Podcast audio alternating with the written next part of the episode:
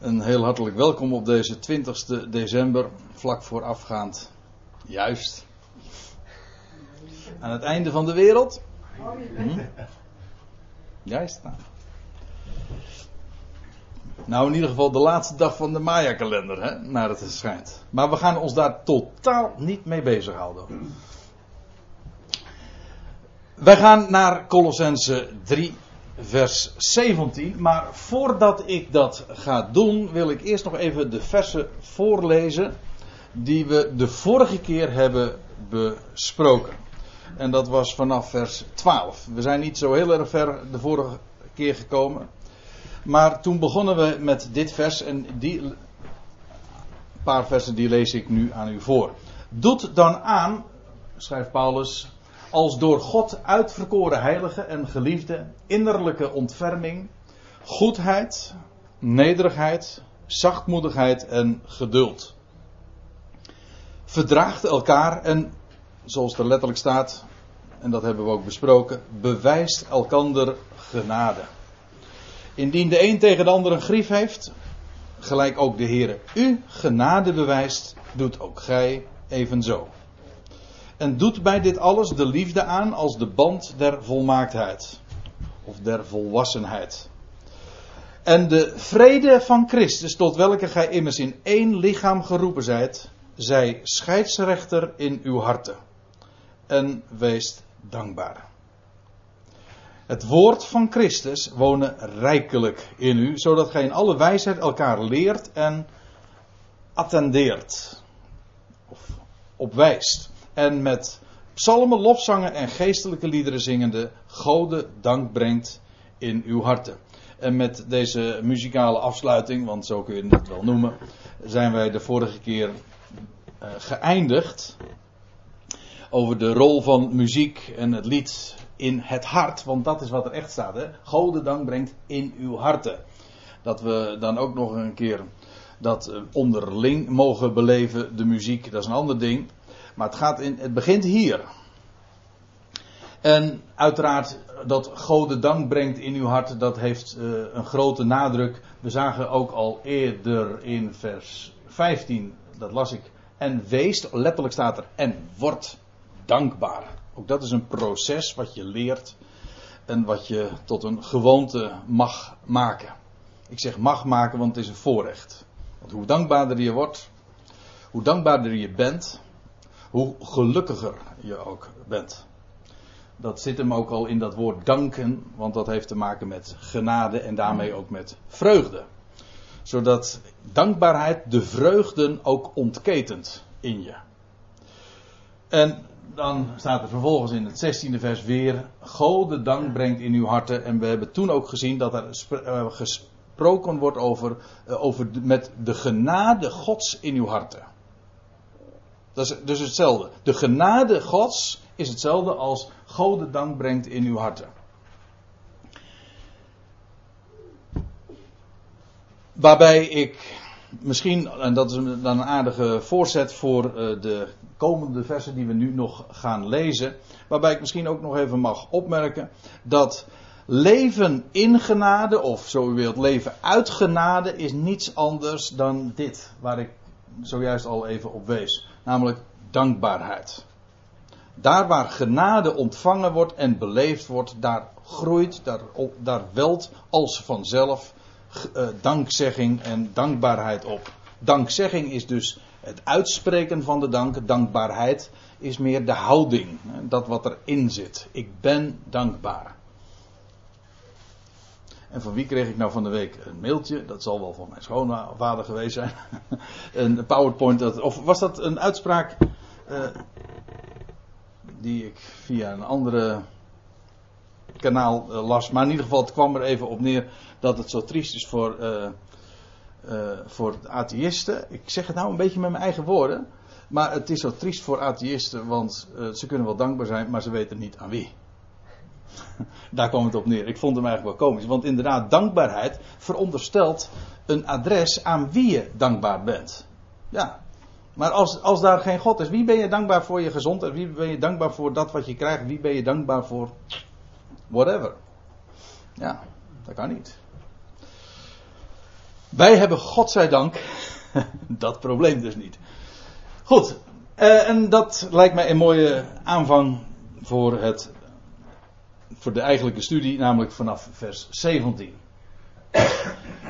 En al wat gij doet, staat daar, en al wat gij doet, in alles wat je mocht doen, met woord of werk, of in woord of in werk, doet het alles in de naam van de Heer Jezus. Ik heb weer de, de interlineair eronder staan, zodat ik eh, ook zo letterlijk mogelijk en woordelijk mogelijk de lezing van het origineel volg daarin. Dus alles wat je doet, in spreken, in, in je acties, in je werk, je mag alles doen in de naam van de Heer Jezus. En wat betekent dat? Nou, volgens mij de verklaring ervan staat pal in de regel daarop. Want in de, doen, de dingen doen, of alles doen in de naam van de Heer Jezus, is niets anders dan God de Vader danken door Hem. Daar, dat wil zeggen, je dankt God, je geeft dank aan de God en Vader. En hoe doe je dat? Door Hem, door vermelding van Zijn naam. Dat is alles doen in de naam van de Heer Jezus. Je weet namelijk dat alles, al wat God doet, zijn hele plan, maar ook alles wat Hij onderneemt, dat doet Hij door de Heer Jezus. Zodat als wij daar ons van bewust zijn, en daar wij weten daarvan, dan danken wij God ook vervolgens door Hem. En dus aan de ene kant is het zo dat God zelf doet alles door zijn zoon, maar van onze kant is het net zo waar dat wij tot Hem komen met vermelding van zijn naam. Door hem dus. Het is dus altijd door hem. Het adres is God, de Vader. Er is maar één God. En wij komen tot hem, eh, tot God door hem. We kennen God ook alleen maar door hem. Hij is immers, maar dat was Colossense 1 vers 15 en 16. Hij is het beeld van de onzienlijke God. En dan heb ik er nog een, eh, een vers bij eh, vermeld, die ik er graag even in dat verband ook bij wil halen, omdat die er zoveel op lijkt. En dat is een woord dat dezelfde apostel heeft geschreven in hoofdstuk 10 van 1 Korinthe. Of gij dus eet of drinkt, of wat dan ook doet, zodat je daarmee in feite dezelfde verhaal hebt als in Colossense 3 vers 17, doet het alles ter ere Gods doet het alles tot in de heerlijkheid van God. Dat wil zeggen, met het oog op zijn heerlijkheid. Dus alles in je eten, je drinken, of je doen, je spreken, alles met het oog op zijn heerlijkheid. Met, feitelijk dus je ook je bewust uh, zijn van dat wat hij gesproken heeft en doet me zo automatisch denken aan wat we lezen van in de Torah aan Israël. Daar staat er ook van. Uh, dit woord zij in uw hart en in uw mond, wanneer gij nederligt, wanneer gij opzit. Nou, valt niet mee om dat letterlijk te citeren. Wanneer gij ingaat, wanneer gij uitgaat. Wanneer gij nederligt, wanneer gij opstaat. Wanneer, kortom, in heel jouw leven, dat je je bewust mag zijn van wie je bent en wat hij gesproken. Kortom, van zijn heerlijkheid. Dan krijg je ook een heerlijk leven. Dat gaat hand in hand. Het is ook een, een leven dat uh, boven het, zeg maar, dat banale is, is uitgetild. Je staart je niet blind op de dingen hier. Nee, het gaat, eh, het eh, gaat om een leven in een veel grootser perspectief van zijn heerlijkheid, zijn toekomst. Ja, dat is een leven met recht, met een veel wijdzere horizon. die zelfs ongelimiteerd is. Doet het alles ter ere Gods. Goed. Nou. Nou heb ik even een andere diaatje erbij staan. En waarom is dat? Wel, omdat we nu we vers 17 hebben besproken, kortweg, komen we dus aan in vers 18. En het is grappig om dat eventjes uh, met de vertalingen erbij te pakken. Zowel in de Statenvertaling als in de NBG-vertaling. Hier vangt een nieuwe pericoop aan. Daar heb ik geen probleem mee om, om de Bijbel in te delen in hoofdstukken, in versen. En je kunt er ook een, een kopje boven zetten. En dat heeft de NBG-vertaling, hebben de Staat, heeft de Statenvertaling eveneens gedaan. Nou, Maar waar het mij even om gaat, om de wijze hoe men dat dan beschrijft. Namelijk, de NBG zegt de christelijke huisregels. Dat vangt dus aan na vers 17, wat we vanaf nu dus gaan bespreken. De Statenvertaling zegt de huiselijke plichten. En daarmee, door, die beschrijving of die omschrijving, door dat kopje te geven, verraden de vertalers, want dit is uiteraard een inbreng voor het gemak van de vertalers, daar is op zich nogmaals geen probleem mee, maar daarmee verraden de vertalers hun eigen interpretatie van deze brief, of van dat wat nu gaat volgen. En met name deze vind ik wel heel sterk, huiselijke plichten. Men denkt in die termen. Dus eigenlijk is het dan het idee van, kijk, in, in, in het voorgaande heeft Paulus gesproken over genade en over voorrechten en over danken. Ja, maar nu, nu komen de plichten. Of de christelijke huisregels. Het is rechten en plichten. Of zoals ik uh, goed reformatorisch groot geworden ben met uh, de, de slagzin altijd. Het is wet en genade. Ja, ja als ik het, terwijl ik het zeg, denk ik, ik zit nu te vloeken. Of ik sta te vloeken.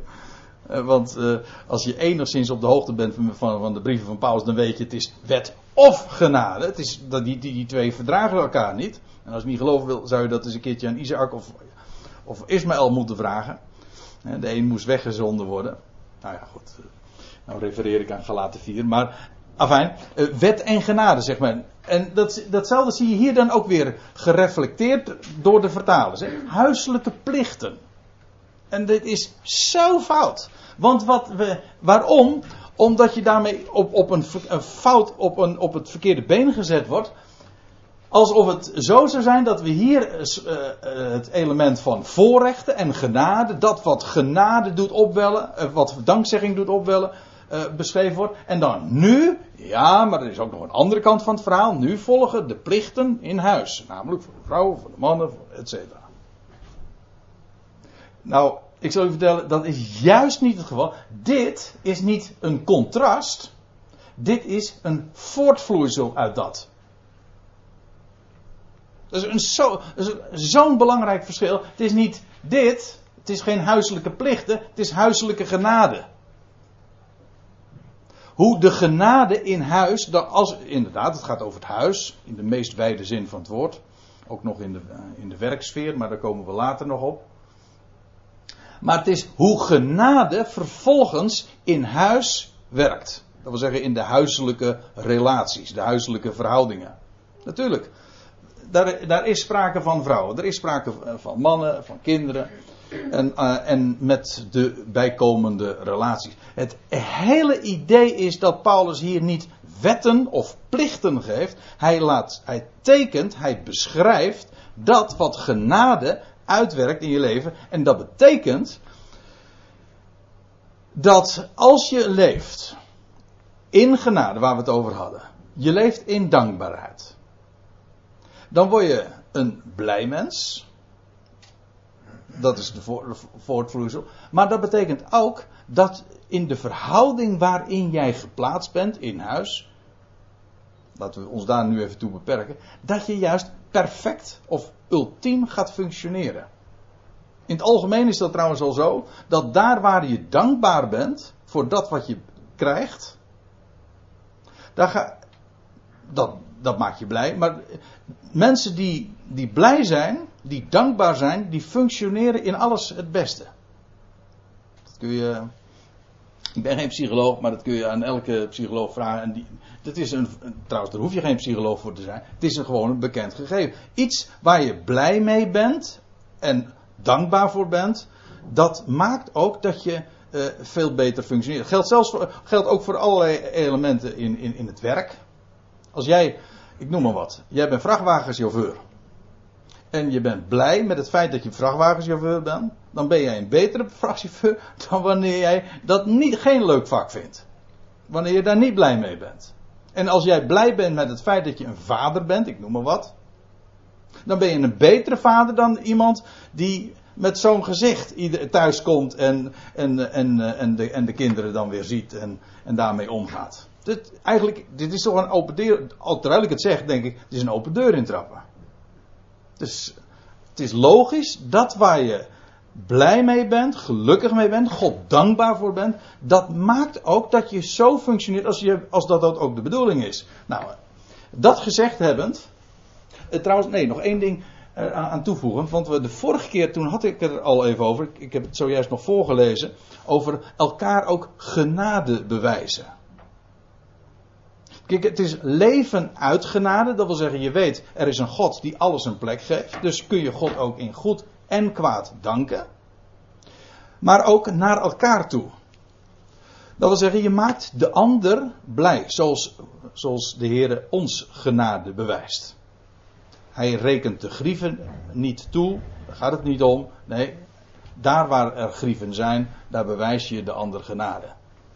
Waardoor, waardoor jij zelf trouwens ook nog blijer wordt. Maar het gaat erom, je bent erop gericht om de ander genade te bewijzen. Daar waar je zo in het leven staat, zul je als vrouw, als man, als kind, als ouder, als werknemer, werkgever, om het even de moderne variant te noemen, zul je veel beter, sterker nog, ultiem functioneren. Gewoon op, op de plek waar je staat. Nou, dat zeg ik even ter inleiding. Dit is namelijk een, een heel nieuwe passage, of in ieder geval een, uh, een, een, uh, een nieuwe pericoop. Maar het is dus geen huiselijke plicht, het is huiselijke genade. Nou, en dan komen we bij het eerste. Wat. Ogenblikje.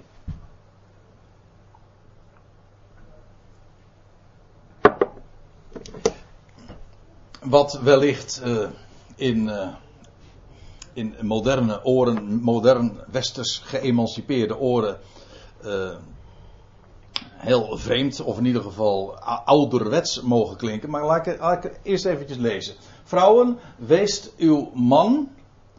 Uh, eigenlijk staat er: de vrouwen, weest onderdanig aan de mannen. Dus de groep als zodanig wordt in meervoud bij, in beide gevallen aangesproken. Onderdanig. Dat woord, laat ik er eventjes op inzoomen. Dat is hypotasso. En hypo betekent onder. En dat tasso, dat is zetten. Onderzetten. Iets wat je eronder plaatst dus. In de MBG wordt het in de actieve zin vertaald met onderwerpen. En in de passieve zin is het dus. Ik, iets, ik onderwerp iets. Of als ik de, in de passieve geval is het de onderworpene, onderworpen zijn. Of het wordt vertaald met onderdanig of met ondergeschikt. Dat zijn de drie belangrijkste vertaalwoorden in de MBG. Maar bij deze ongetwijfeld veel, verder het beste is. Onderworpen, onderwerpen, dat heeft, dat is iets wat je, wat duidt op vijandschap. Vijanden onderwerp je. Maar het, het begrip, Kijk, het is ook, ook daar weer een beetje misleidend. De wijze waarop men dat heeft weergegeven door het uh, verschillende vertaalwoorden. Het is iedere keer dus onderplaatsen. In verband in de verhouding van bijvoorbeeld in Romeinen 13 is de overheid. Nee, de, wees de overheden onderdanig. Dat wil zeggen, die overheden staan boven je. Dat is een gezagsverhouding.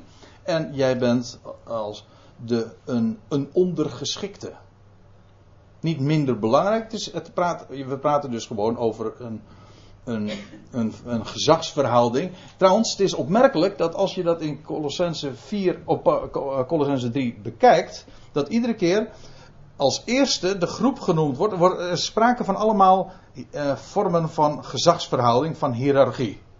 Waarbij telkens de eerste, degene die ondergeplaatst is, als eerste genoemd wordt. De vrouwen worden genoemd, vervolgens de, en dan de mannen. Dan worden de kinderen genoemd en dan de vaders. En dan worden de slaven genoemd en dan de heren. In die volgorde telkens. Maar het is dus uh, on, het is ondergeschikt zijn. Heeft niets te maken met waardigheid, dat je minder waard zou zijn. Het heeft te maken met een plaats boven, degene die het voortouw neemt, eh, de leider van een team en degene die ondergeschikt is.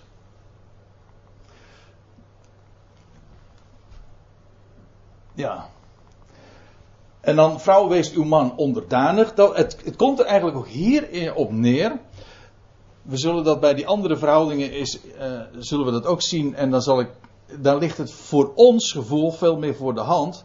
Dat komt ook omdat wij eh, in onze tijd, in, zeg maar in de deze 21ste eeuw, maar dat was in de vorige eeuw ook al het geval, uh, die verhouding van mannelijk-vrouwelijk totaal niet meer zien zoals de Bijbel die schetst, waarbij de man een man is, dat wil zeggen leiding, hoofd is, een vent is. Het, grappige is, in onze taal hebben we nog, uh, nog wel die, die wetenschap. In onze taal komt nog steeds mee het verschil tussen mannelijk en vrouwelijk.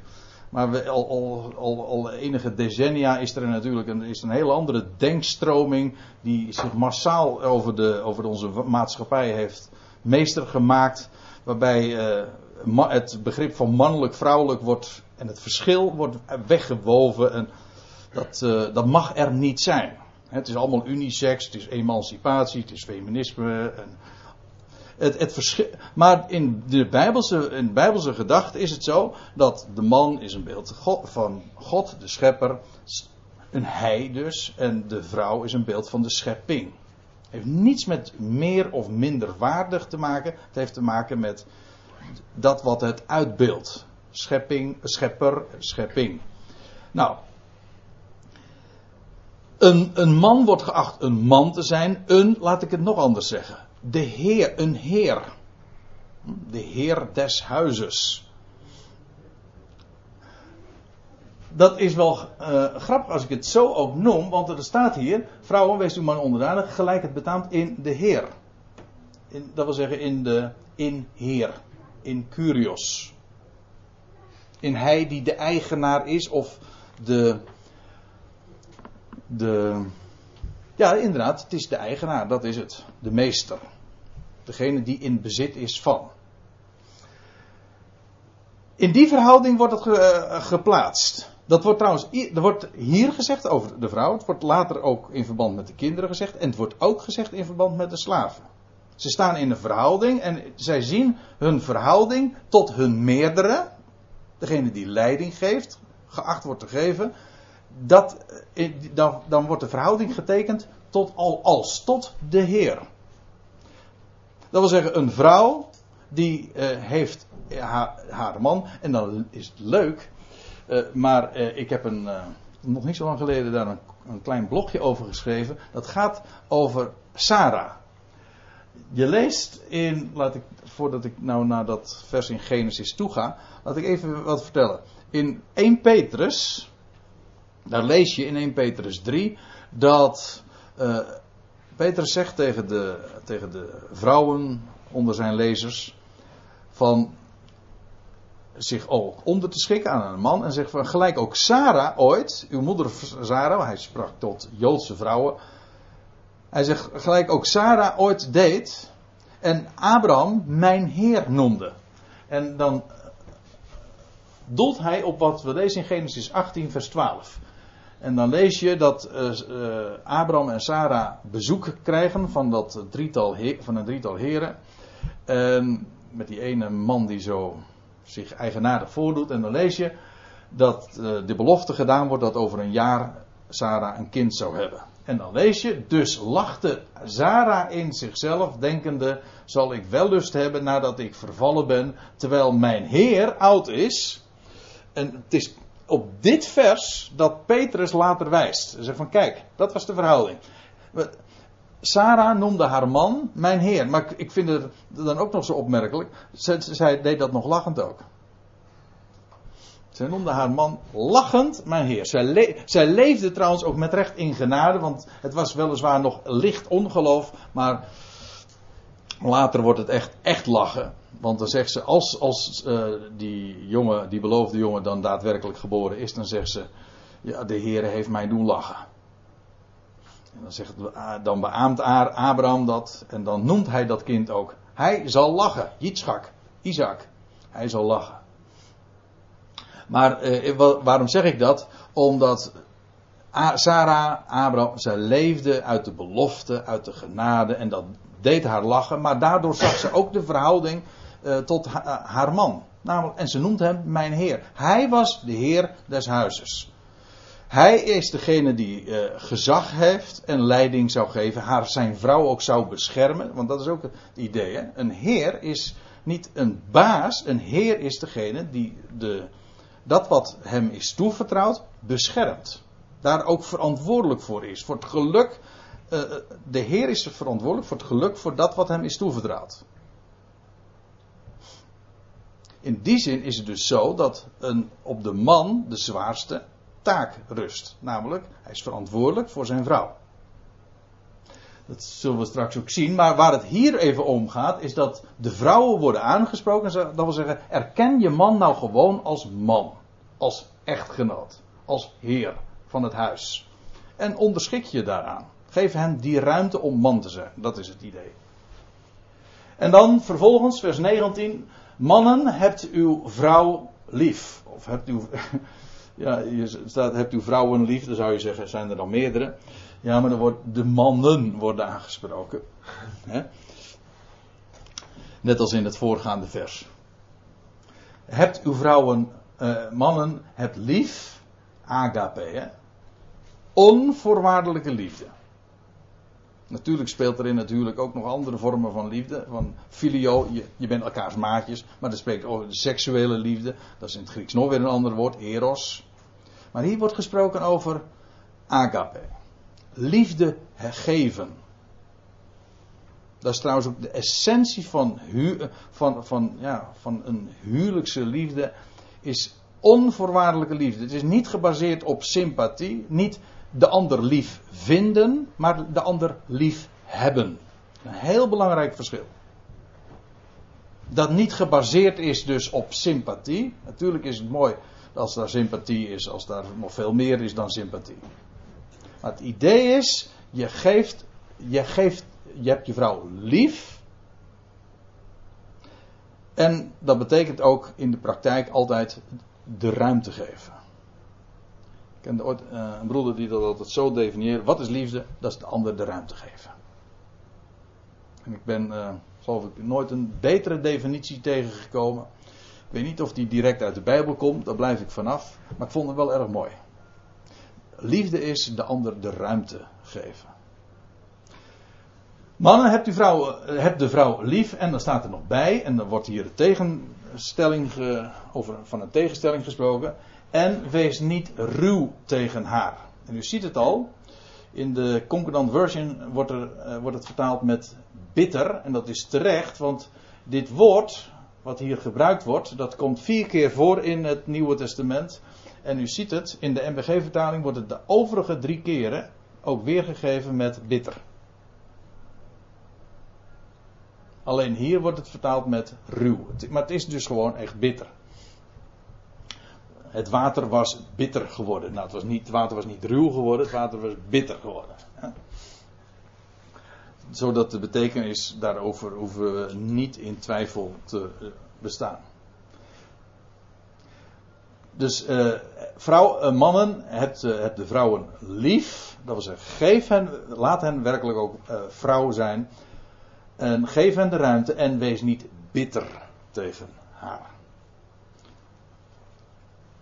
Waarmee trouwens ook iets gezegd is over de valkuil juist voor een man. Heel gemakkelijk om bitter te worden. En dat heeft, ik denk dat dat inderdaad wel dicht bij de betekenis van ruw is.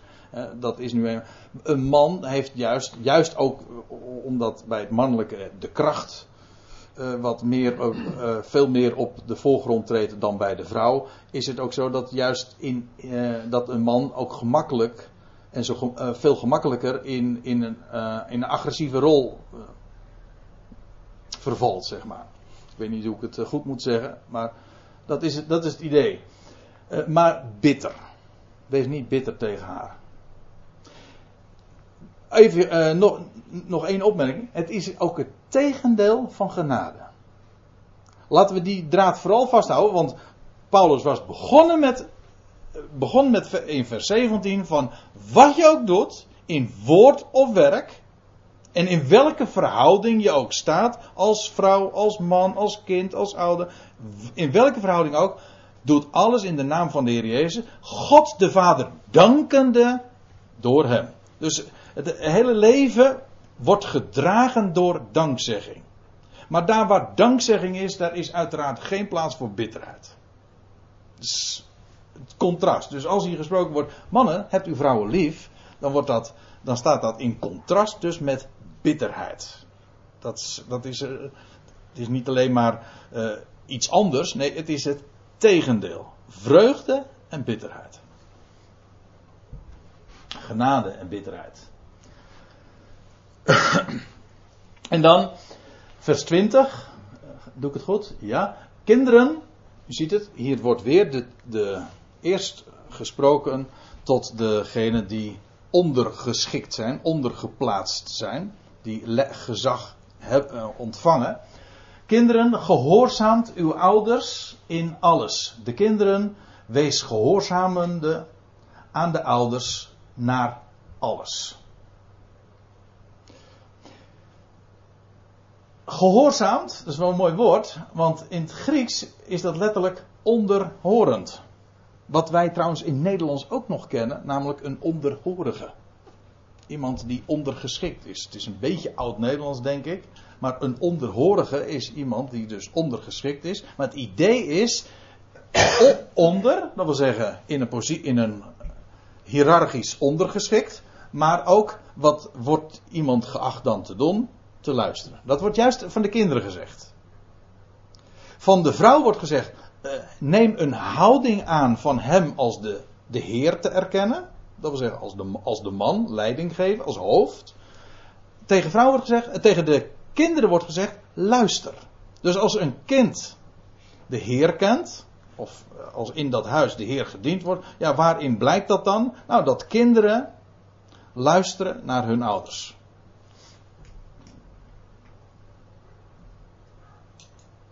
Gehoor geven aan. En dan staat er nog bij, want dit is welbehagelijk in de Heer. Well pleasing. Dit is aangenaam in de Heer. Zo'n huis. Een huis. Ziet u, hier wordt gesproken over een huis waarin men leeft in dankzegging en wandelt in genade, waarbij vrouwen en mannen en kinderen hun plaats innemen. Wat zou een kind anders doen? Wat, wat mag een ouder van een kind verwachten? Nou, dat een kind inderdaad luistert naar dat wat gezegd wordt. Waarbij het zo opmerkelijk is dat als, je, als dit hier gezegd wordt tegen de kinderen, wordt dat tevens ook meteen, dat zullen we hier nu in vers 21 zien, wordt tevens ook de mannen, ja, speciaal de ouders, maar meer speciaal dan de, de mannen, de vaders worden aangesproken. Waar uh, mee aangegeven wordt dat uh, die in zo'n danige verhouding staat, dat daar, laat ik het zo zeggen, dat als het kind luistert, dan, zal de, dan wordt dat zoveel gemakkelijker voor de ouders om, de, om werkelijk ook als ouder te, op te treden, als een goede ouder. Misschien moet ik het omkeren, want de verhouding is natuurlijk. Eerst, de, de ouders horen voorop te gaan. Die hebben hun kinderen lief, geven leiding op een goede wijze, en dan is het voor een kind ook zo gemakkelijk om naar hun ouders te luisteren.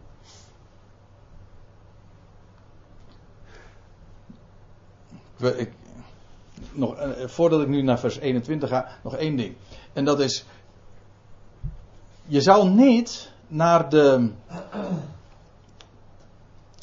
Naar de ander uh, kijken. Kijk, Paulus spreekt de kinderen aan. En wat zou. Een, een kind sta, heeft maar één ding te doen ten opzichte van zijn ouder. En dat is te luisteren. Gewoon in een positie van ondergeschiktheid, onderhorig, te luisteren naar de ouders. Meer niet. Dat is de Heer wel behagelijk. Dat is, uh, ja, well pleasing. Zo worden ook de mannen aangesproken, de vrouwen worden aangesproken. Al die categorieën, ze worden op zich aangesproken. En dan is het geen zaak. Het gaat niet aan dat een ouder dan vervolgens tegen zijn kind zegt: Jij moet naar mij luisteren. Nee, de kinderen worden aangesproken op dat, dat wat zij hebben te doen. Net zo goed als de vrouwen worden aangesproken en de mannen worden aangesproken. En dat wat de taak is van de ander, dat is jouw zaak dus niet. Ik zeg het er maar even bij, omdat het nog een keer zo wordt, uh, wordt ingevuld van ja, jij moet naar mij luisteren. Dat is niet helemaal niet. Als ik, de, als ik vader ben, laat ik het eventjes hand in eigen boezem steken of in mijn eigen schoenen blijven staan. Ik ben vader. Ik ben man. Dan heb ik te doen dat wat mij als man te doen staat. Namelijk mijn vrouw lief te hebben. En niet bitter tegen haar te zijn, oftewel te wandelen in genade. En ook werkelijk als vader op te treden. En niet mijn vrouw voor te houden, jij moet mij onderdanig zijn. Dat is de taak, of dat is wat tegen de vrouw gezegd wordt. Dat is niet mij. Eh, dat is niet mijn zaak. Dat in wezen, als je dat doet, is al een bewijs, een, of, ja, een bewijs of een, op zijn minst een aanwijzing dat je niet wandelt in genade. Het is namelijk een voorrecht om, te, om een man te zijn. En in die, het is zoals het ook een voorrecht is om een vrouw te zijn en je man de, de credits te geven die hem als man dan weer toekomen. Dat is een voorrecht om zo in die verhoudingen te leven. En God dus daarin daar ook te danken. Laat ik eh, naar vers 21 nu toe gaan. Vaders, heel opmerkelijk, juist de vaders worden hier toegesproken. In de Efezebrief, waar we het parallelgedeelte aantreffen in Efeze 6, daar worden de ouders aangesproken, dus vader en moeder. Maar hier specifiek de vaders. Waarschijnlijk ook omdat die namelijk ook kennelijk uh, gemakkelijk hier uh, uh, misstappen in begaan. Er staat dit: Vaders, prikkelt uw kinderen niet opdat zij niet moedeloos worden.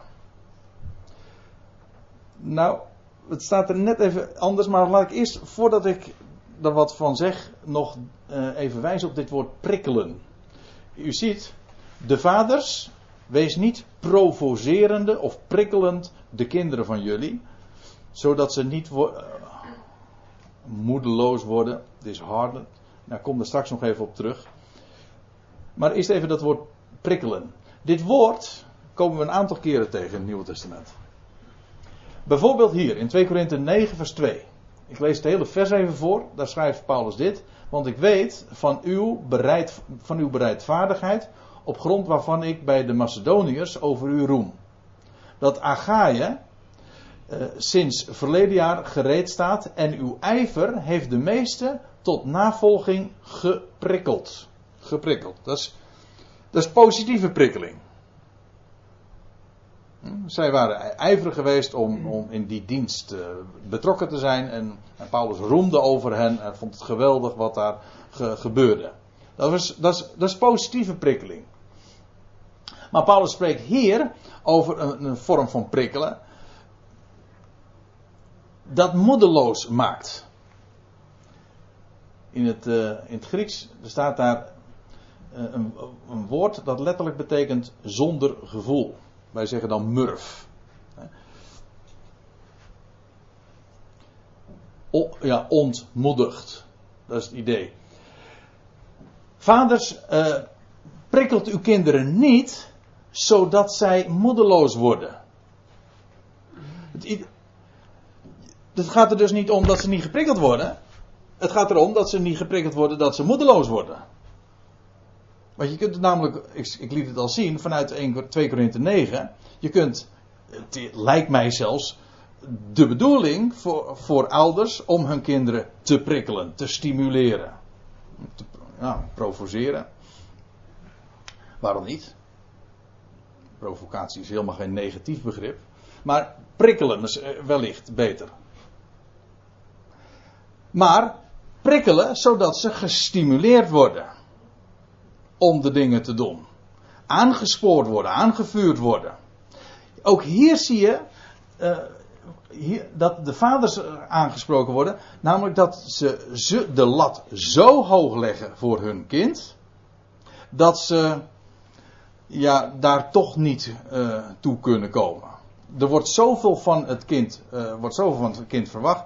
En als ze dat niet bereikt, ja, jij kan niks. Ik zou daar zo een aantal voorbeelden van kunnen geven. Van, van verhalen die ik zelf uh, gehoord heb. Godzijdank heb ik eh, zelf die ervaring niet uh, gehad met mijn vader. Ik had een. Dat is een zegen. Maar dat je gestimuleerd wordt. Juist als je iets onderneemt. En als het dan niet goed gaat, je, je onderneemt als kind iets. En ja, hoe, wordt, hoe is dan vervolgens de reactie? Nou, jij kan, jij kan het toch niet. Zodat je ja, een, een minderwaardigheidscomplex al in een heel vroeg stadium wordt aange, aangepraat. In een bepaalde houding. Het, het is niet goed of het deugt niet. Altijd maar een mopperende vader. Mopperende vader. U begrijpt wel?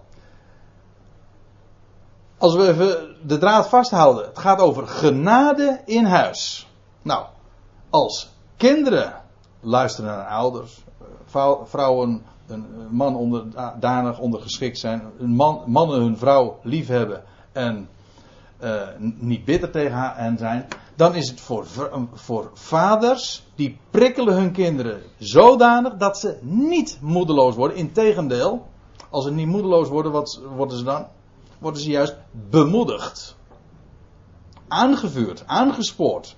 Positief inderdaad krijgen ze injecties om, om, om de dingen te doen, om te ondernemen, et cetera.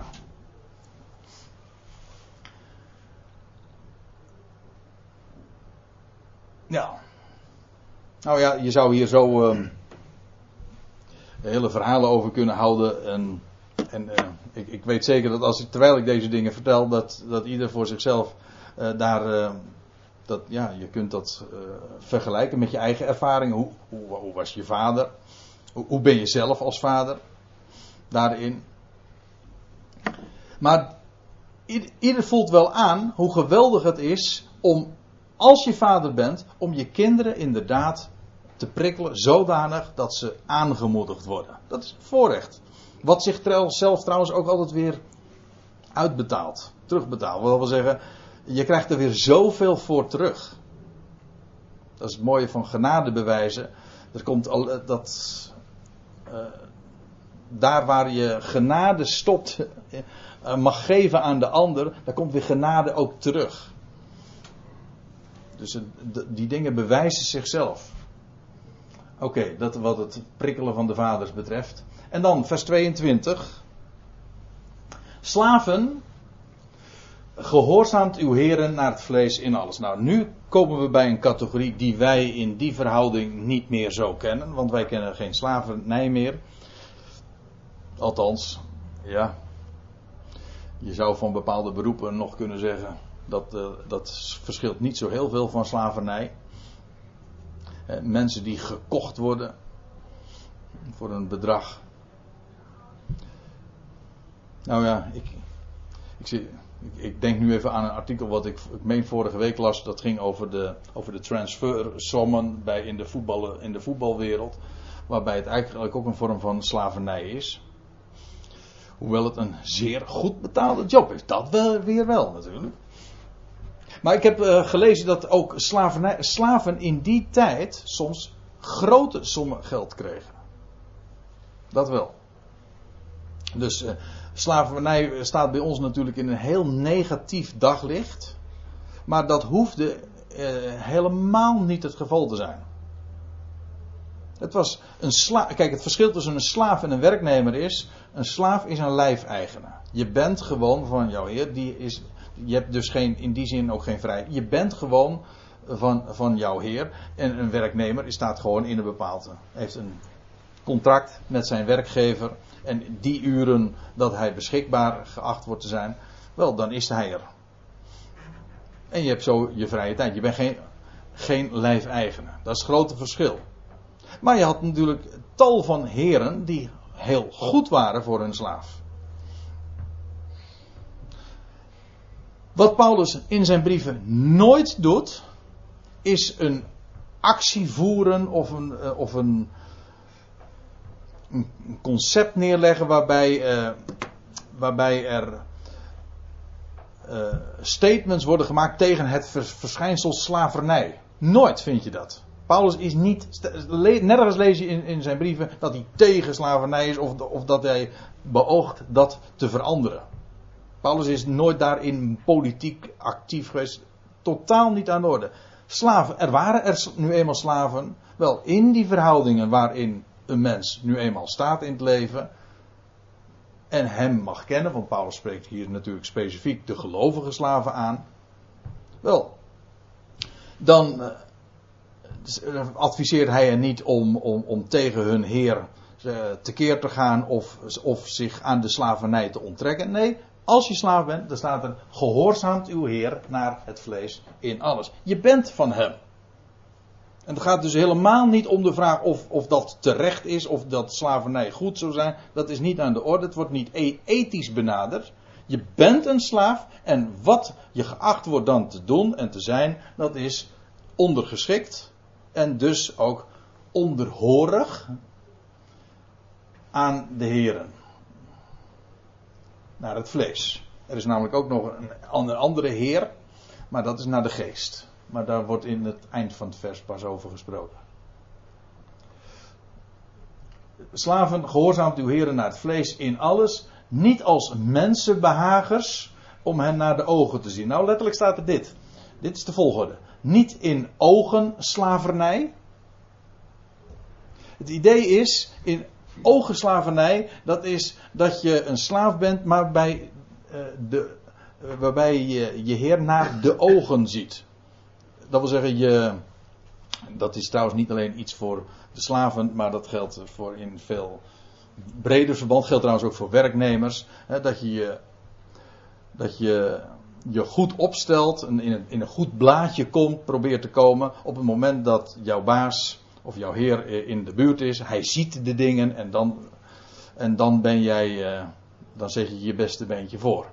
Nou, dat is oog, in ogendienst. Ogenslavernij.